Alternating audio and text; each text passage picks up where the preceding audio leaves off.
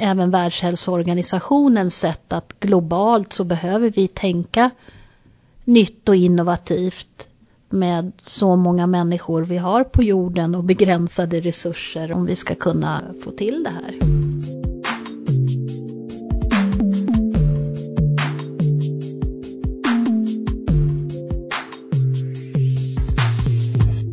Hej och välkommen till FoU-podden. Det här avsnittet ska handla om forskningen kring införandet av nära vård och omsorg i Sörmland. Och jag som gör podden heter Lena Stenbrink och är kommunikatör på FoU i Sörmland. Och med i det här avsnittet är Karin Strömqvist Båte, Osman Aitar och Marina Arkukangas. Och ni är varmt välkomna. Så mycket. Tack. Och ni kommer att få börja med att presentera er lite noggrannare. Jag heter Karin Strömqvist Båte och jag är doktorand och forskar på omställningen till nära vård och omsorg i Sörmland. Och eh, jag heter Marina Arkokangas och är chef på FoU Sörmland och eh, är också bihandledare till Karin i det här doktorandprojektet. Osman Aitar, docent och docent i socialt arbete, fildoktor i sociologi på Mälardalens universitet och följeforskare här på FoU Sörmland och handledare till Karin. Karin har ju en ytterligare handledare från Mälardalens universitet och det är Ulrika von Tiller Schwarz som är professor i psykologi. Mm. Jag tänker att vi måste nog ändå börja med, vi har ju haft flera poddar faktiskt om nära vård och eh, slutet på sommaren eller i höst kommer det en till. Men kan ni ändå bara lite kort förklara vad är det här med nära vård egentligen och vad innebär det? Ja, vad är det här med nära vård? Det håller alla Sveriges regioner och kommuner på att fundera på just nu skulle jag säga. För det finns inte riktigt en helt tydlig definition. Däremot så finns det en del centrala begrepp som jag tror att man är överens om.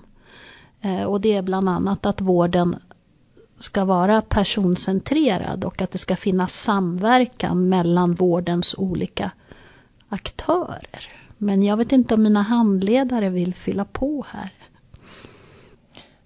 Jag tänker att vi kan väl eh, bara betona också att det är inte bara vård vi pratar om utan det är omsorg också. Så att eh, för många, många tänker på att när vi pratar om nära vård att det bara är själva vården som det handlar om. Men det är ju all vård och omsorg som kommuner och regioner ger som inkluderas i, i nära vård och omsorgarbetet. Sen en annan viktig aspekt också att eh, man kan säga att vård och omsorg organiseras och bedrivs utifrån individens behov och förutsättningar. En av de centrala aspekterna, individens behov och förutsättningar i centrum. Som i linje med den personcentreringen. Och nu kanske Karin kommer komma in på det här, men nu kliver jag in redan nu. Men vi pratar lite om vad är nära vård och eh, alla jobbar ju med det här och det vi kan säga är ju också att det finns väldigt många olika målbilder framtagna i hela Sverige. Inklusive att Sörmland har ju också tagit fram en målbild. Och det kan man också diskutera och det kanske vi kommer komma in på lite senare. Men vad betyder det här då? Att, att vi har det här centrala nära vårdarbetet men vi har många olika målbilder runt om i Sverige. Och eh, jag har haft förmånen att kika på några av målbilderna och det finns ju många gemensamma nämnare, precis som Osman var inne på. Det här med individen i centrum istället för att främst fokusera på kanske sin egen organisation i, i stuprör. Och Sörmlands målbild, där har vi ju tryckt lite extra på det. Just att man pratar om tillsammans och att samverkan ska vara nära. Och även då att det ska vara förebyggande ett fokusområde också är god hälsa och hälsofrämjande arbete. Så det handlar inte bara om att ta hand om våra invånare när de redan har råkat ut för ett olycksfall eller blivit sjuka utan hur kan vi jobba med friskvård? Mm. Kan man konkretisera det ännu mer till vilka är det som faktiskt kommer jobba med det här, som kommer märka av den här omställningen i sitt yrke? Det kan vara organisationsnivå och eh, individnivå. Man kan säga medarbetare, patient eller brukare, anhöriga är aktiva i processen. Det som är centralt här. Det är inte någonting bara organisationen bestämmer, man säger fokusering bara. Det är inte organisationen i relationerna i fokus. Det är individer själva också aktiva aktörer i processen. Det är inte passiva. En av, man kan säga, fokusområdena. Det är aktivering från själva patienter, brukare och anhöriga också. Och medarbetare också är aktiva. Det är inte bara beslut kommer att man följer. Så alla som jobbar med någon form av vård eller omsorg alltså i kommuner och region? Plus då förstås alla som tar del av vården och omsorgen, eller? Ja, och kanske ännu vidare egentligen om man tänker på att alla som är med och skapar goda livsbetingelser och god hälsa, då kan vi tänka oss också att civilsamhället såsom idrottsorganisationer, pensionärsorganisationer också har en, en del i det här arbetet. Att skapa goda förutsättningar för alla att kunna leva ett så hälsosamt och friskt liv som möjligt. Jag tänker att det handlar mycket om att skapa förutsättningar. Och ett arbete behövs att göra på många olika nivåer. Uppdraget från början utgår ju ändå från regeringsnivån som har gett eh, SKR i uppdrag att jobba med omställningen till en god och nära vård. Som, och SKR då i sin tur som hjälper regionen och kommunerna med det här arbetet och starta igång det. Så att det finns tydliga nivåer på hur arbetet måste ske för att skapa förutsättningar på olika sätt och vis. Ja, om vi går in på den politiska nivån så har man även Världshälsoorganisationen sett att globalt så behöver vi tänka nytt och innovativt med så många människor vi har på jorden och begränsade resurser om vi ska kunna få till det här. Mm. Du är ju nu doktorand i det här. Kan du berätta vad, är, vad innebär det? Vad ska du göra? Nej, jag ska få jobba just med att följa det här arbetet. Och man kommer vi även ha ett element av deltagarbaserad forskning där vi just som Osman var inne på ser att alla som är involverade i den här processen är en viktig del för att skapa den här omställningen. Så att det är det jag ska följa. Allting från hur man har tagit fram målbilden för Sörmland och vad man ser för hinder och möjligheter. Och sen även hoppas jag kunna vara med på lite början av införandet av de här nya arbetssätten och tankesätten. Det som vi kan tillägga är ju att hela doktorandprojektet har ju egentligen sitt ursprung i ett projekt som tidigare startade på FoU där två projektledare började arbetet med god och nära vård i Sörmland. Det är Carolina Ensjö och Kajsa Åkerholm som har haft ett tvåårigt uppdrag och har då gjort det här arbetet med att tagit fram en målbild och fokusområden och också titta på strukturerna i Sörmland, hur det här ska kunna fungera. Så doktorandprojektet som du går på Karin, det följer ju det arbetet som redan har initierats tidigare. Och som nu avslutas till sommaren, så där kommer det också vara en slutrapportering och en kommande podd kring det. Men då kanske ni kan berätta för mig om det här doktorandprojektet. Vad är syftet med det? Ja, huvudsyftet med detta projekt är att studera omställningen till en eh, nära vård och omsorg i Sörmland utifrån ett praktiknära forskningsperspektiv. Och med det här forskningsperspektivet så kommer vi då att jobba tillsammans eh, med alla som är involverade i den här omställningen. Vi brukar kalla det för deltagarbaserad forskning. Så att alla som är med i Sörmland, både i organisationen och våra medborgare, är viktiga medskapare av den här nya kunskapen som vi vill ta fram. Och vad har ni för förhoppningar att det ska leda till i slutändan av den här forskningen? Det som vi vill få fram det är ju att vi hjälps åt under hela forskningsprocessen att göra den här omställningen så värdefull och effektiv som möjligt för alla som ska igenom den här omställningen. Så att vi kan lära av varandra under resans gång och till skillnad från kanske väldigt sådär traditionellt forskningsperspektiv där man ställer sig utanför hela processen och tittar på den och säger i slutet det här gick bra eller det här gick dåligt så kan man här eh, hela tiden vara med också som forskare och vi kan hjälpas åt och se om vi behöver skruva på någonting under resans gång. Och ta lärdomar inför också nya projekt. Vi står inför stora utmaningar i regionen. Jag håller med dig där och eh, nu ska man ju tänka på att det här är ett doktorandprojekt och det är ju en forskarutbildning som Karin, Karin går eh, under fyra års, fyra års tid. Och eh, det kommer ju vara tydliga frågeställningar som, som Karin utgår ifrån i det här projektet. Då. Man brukar säga att det ska leda till fyra olika delstudier som sen blir en, ett, ett avhandlingsarbete. Så Karin har ju nu idag redan fyra frågeställningar som hon utgår ifrån i, i det här projektet. Och det första, den första frågeställningen den, det handlar ju om målbilden, hur, hur den blev framtagen. Och då kommer du undersöka det med olika, på olika sätt.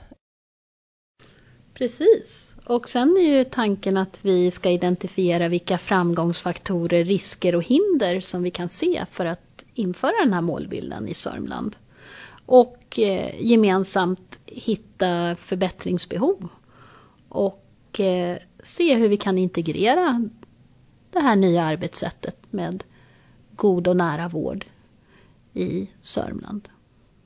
Och det här är ju en liten pusselbit i en, en väldigt stor omställning. Så att det är klart att med det här projektet kanske vi inte löser alla frågor, men det kan vara en, en liten bit på vägen. Och jag kommer ju lära mig fantastiskt mycket, precis som Marina har varit inne på.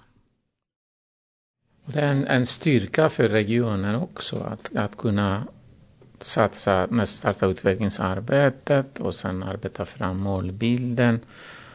Och sen kommer eh, forskarperspektivet i, i, i bilden att kunna följa hur man utvecklar, hur man använder och det gör att forskare blir också medresenärer i processen, medskapande i processen, kommer med förslag, förbättringsförslag eller saker som kan ändras och sådana. Det är en styrka för ett projekt. Jag, vi vet inte hur många regioner har valt den, den linjen men eh, det är alltid en, en styrka att i tidigt skede forskare kommer och kan följa och både forskarstöd och reflektioner under processen växelverkan, det interaktiva perspektivet kommer in i bilden. Den blir en styrka för hela regionen också, för förändringsarbete och utvecklingsarbete. Och vi vet ju också att förändringsarbete tar tid. Mm. Och även om man tycker att fyra år är en lång tid på, för ett doktorandprojekt så är det ju egentligen en ganska kort tid i ett sånt här stort arbete. Och målbilden som är satt i Sörmland nu, den är ju fram till 2035. Så det betyder ju att när det här doktorandprojektet är klart, eller slut, om, om fyra år, så kommer man ju behöva göra utifrån den kunskapen som har genererats fram till dess fortsätta att bygga på det och jobba vidare på att nå den här målbilden av 2035. Mm. Men du har inte hållit på så jättelänge nu. När var det du började? Nej, jag har hållit på i drygt en termin kan man säga. Mm. Och vad har du hunnit med hittills? Nej, men dels så är det ju viktigt att Eh, läsa de här kurserna om olika teorier och forskningsmetodik så att vi landar rätt och då har jag intresserat mig speciellt just för det här med deltagarbaserad aktionsforskning och Mälardalens universitet har kurser specifikt i det här som är samverkanskurser där jag vet att Osman också har varit med i och, och, och ta fram det här. Så det har varit spännande. Eh, och sen så har vi fått etiskt godkännande, vilket också har varit en liten process och nu har vi startat intervjuer, kvalitativa intervjuer då med olika deltagare i projektet. Så det är så långt vi har kommit hittills och så har jag haft förmånen att då vara med på en hel del möten och fått ta del av mycket intressant material redan, vilket har väckt mycket frågor. Och har haft ett fint samarbete både med projektledarna och eh, nätverket för nära vård och omsorg som finns då runt de här frågorna. Och nu går vi in i en intensiv period också med mina handledare där vi diskuterar just hur de här resultaten ska analyseras och presenteras. Mm. Och då Marina och Osman, ni är ju handledare som ni berättade innan. Vad är det ni gör egentligen? Tanken så att vi, vi skulle ge vetenskapligt stöd och stöd som handledare under processen, vara närvarande och utifrån de eh, lärandemål eller de eh, individuella ISP som bestäms utifrån de delstudiernas syfte att kunna stödja och vara med och eh, för att processen under resans gång blir eh, så nästan man kan säga vi är medresenärer eh, med Karin under processen. Karin är medresenär för hela regionen med sitt doktorandprojekt. Att det, både vetenskapliga, praktiska, och organisatoriska aspekter finns i handledning. Och den vi försöker aktiv med närvaro vara med och kunna ge stöd. Och den kan vara både när man märker att det saker, saker och ting är oklara tillsammans kunna klargöra och sådana kan ta nya steg om det behövs. Man kan smårevidera under det växelverkan. Det, det är en mycket interaktiv process där också.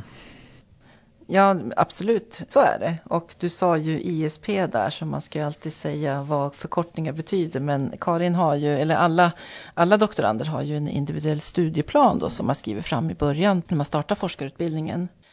Där det finns de här lärandemålen som är regelbundna avstämningar då för att se att, att en progression sker i, i utvecklingen. Då. Så det handlar ju både om kunskap och förmågor och att man får stöd från att då mer stöd i början till att bli en självständig forskare då, eh, när man ja, är klar och ska stå där och försvara sitt arbete som man har gjort under de här åren.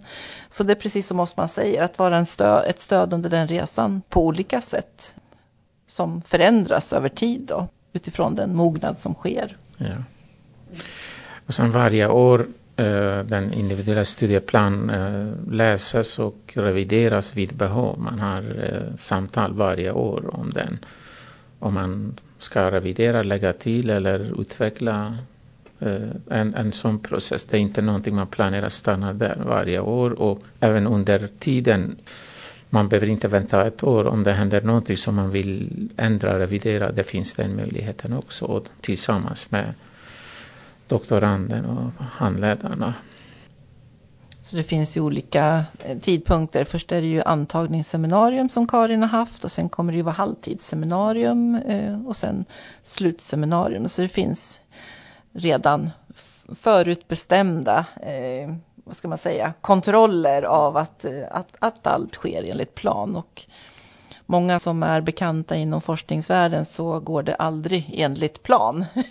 Man behöver ständigt se över och ändra och skruva och eh, just en sån här forskningsansats som Karins projekt har är ju också ett sådant projekt mm. där det kan komma fram saker i, i de olika delstudierna som gör att man behöver skruva om lite och ändra utifrån det som sker i projektet till skillnad från kanske andra projekt där det är mer förutbestämt när man gör randomiserade kontrollerade studier där man har sina planer på hur man ska göra så är det här ett lite annorlunda sätt eh, mot det. Så det beror också på vilket, vilken typ av forskningsprojekt man har. Och det som jag tycker är lite spännande just med det här angreppssättet och aktionsforskning det är ju att eh, man har lite flera huvudmän att leverera till. Det är viktigt att producera ny kunskap inom vetenskapen i form av liksom vetenskapliga artiklar men det är ju lika viktigt att det vi kommer fram till tillsammans att det också kommer ut till regionen och dess organisation så att man faktiskt i princip direkt kan nyttja forskningen. Det har ju varit lite av en kritik gentemot våra lärosäten att ofta kan det ta väldigt lång tid innan nya resultat kommer liksom organisationer eller praktiken till gagn. Men med det här arbetssättet så hoppas vi att det kan gå mycket snabbare fram. Man kan använda det direkt. Och jag tror inte vi har nämnt vilket eh, område din forskning är inom på Mälardalen.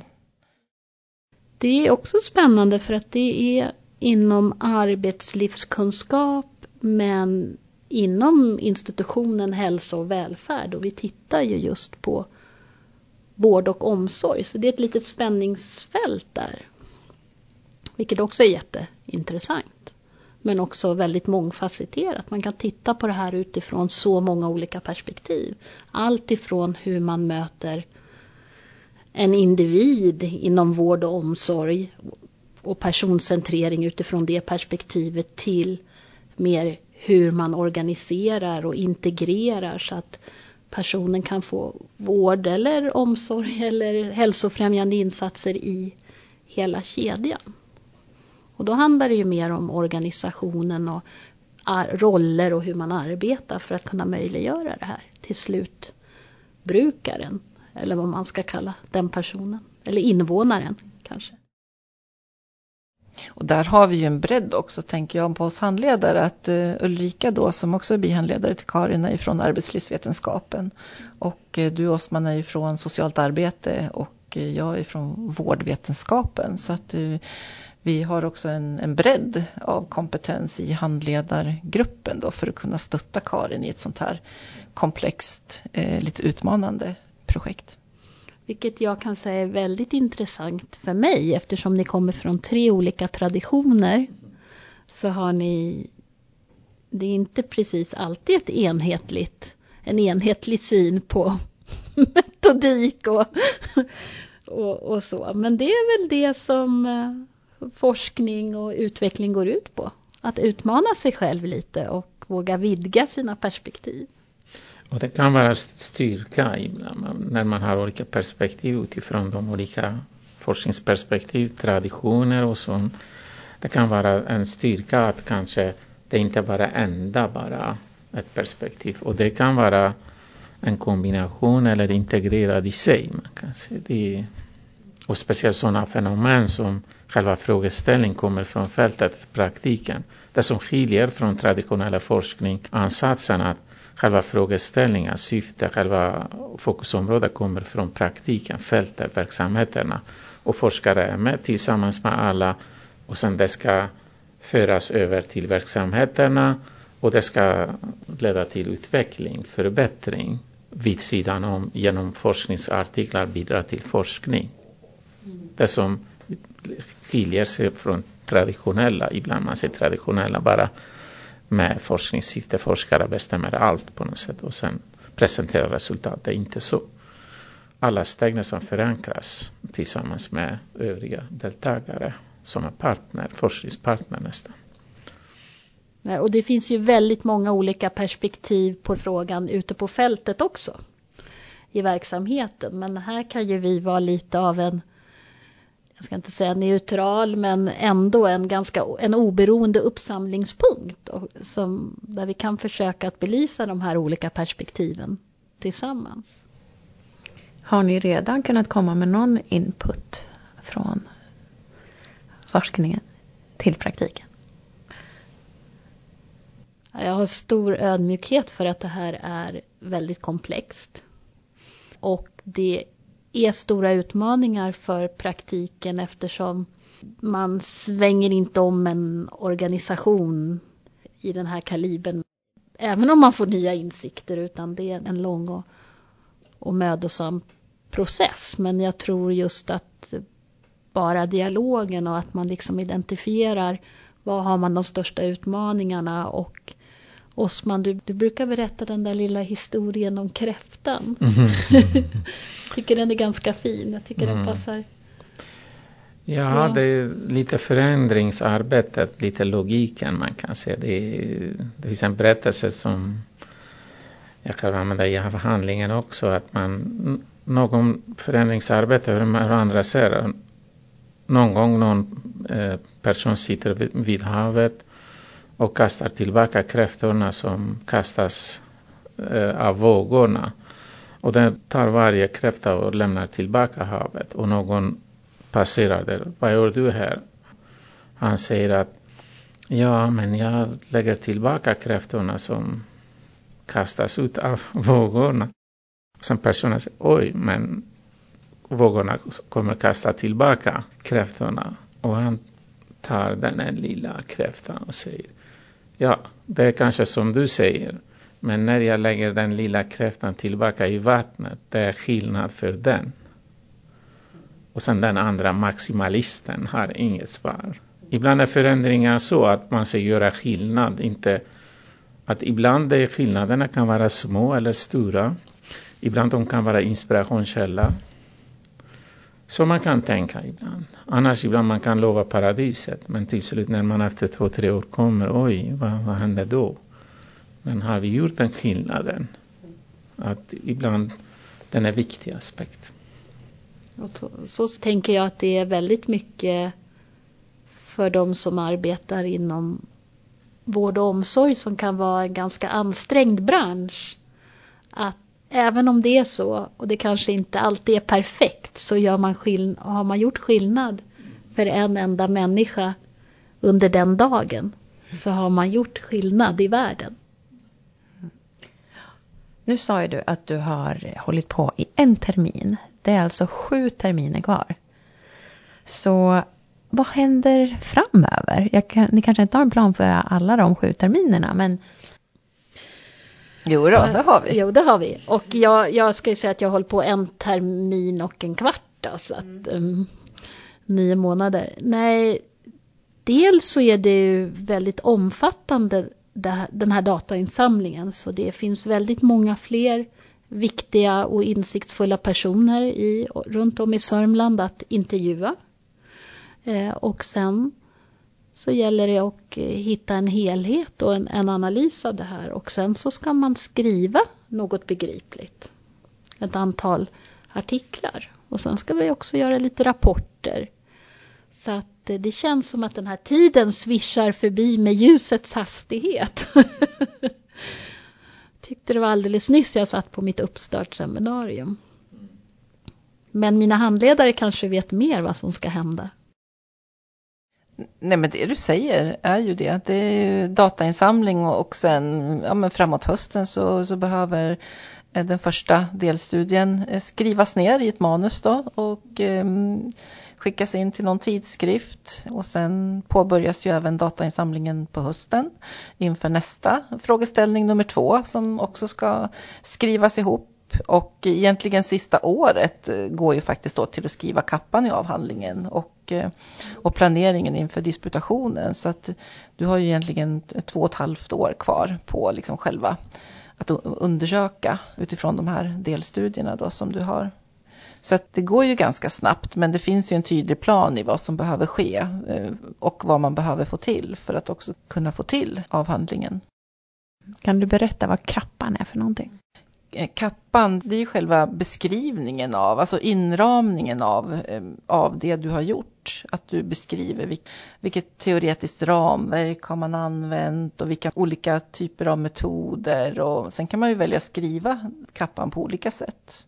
Men det är ju själva beskrivningen av, av hela projektet då. Och sen, ska, sen kommer delstudierna in i det. Alltså det blir som en sammanslagning och sätta lite bredare perspektiv eftersom artiklarna kan vara publicerade i olika tider från början. Man har möjligheten att sluten knyta säcken på något sätt utifrån både de artiklar, studier som man har genomfört, kanske nya tankar som dök upp under processen som man har ändrat eller reviderat.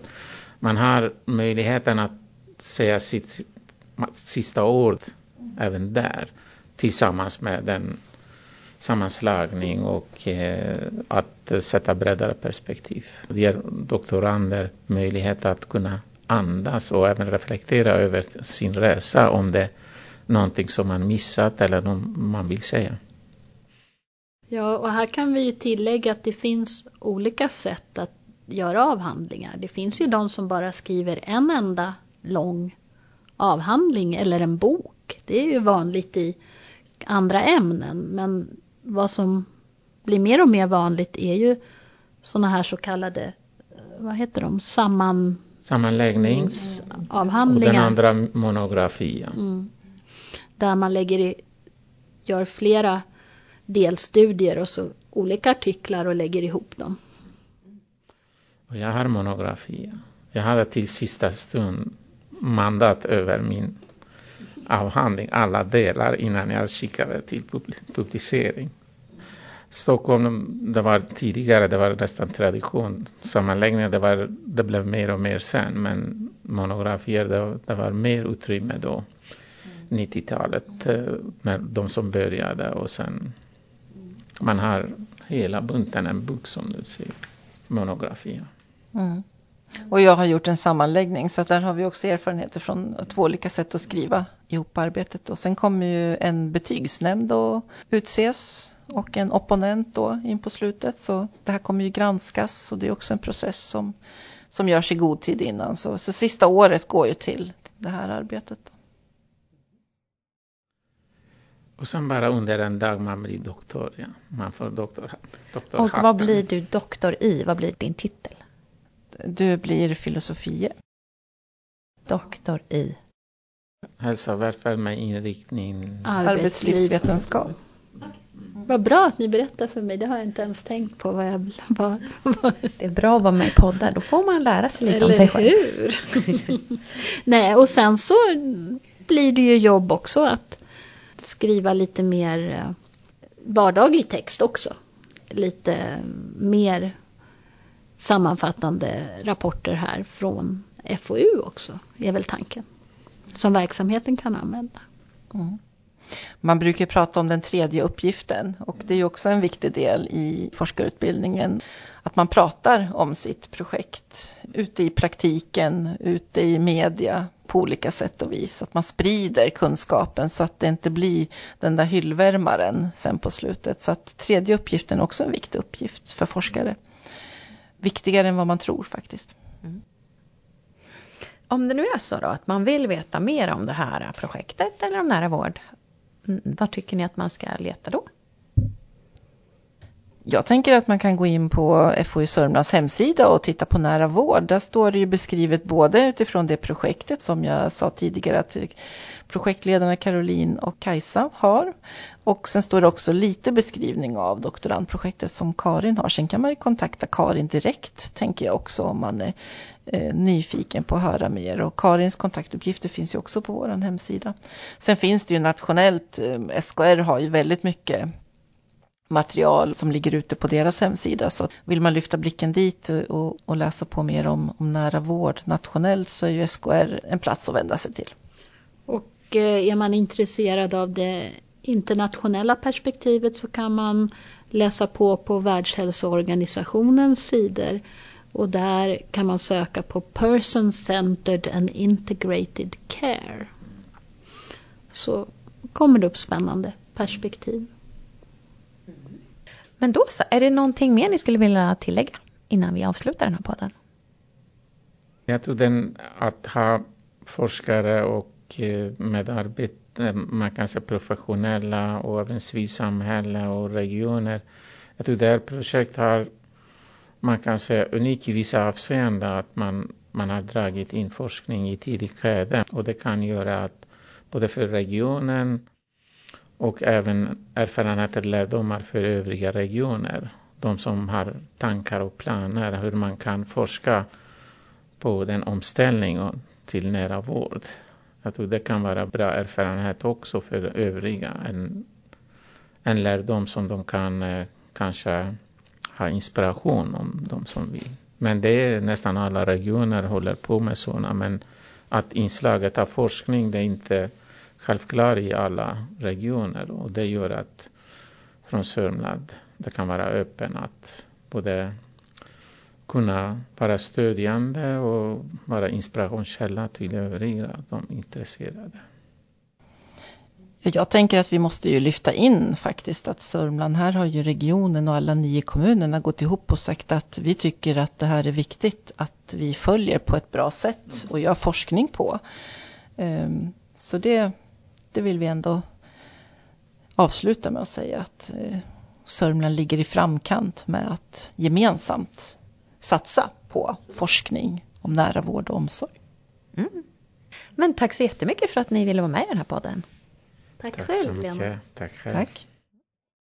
Och till dig som har lyssnat så vill jag säga tack så jättemycket för att du har lyssnat på det här avsnittet av FoI-podden och hoppas att du även vill höra nästa. Ha en toppenfin dag! you.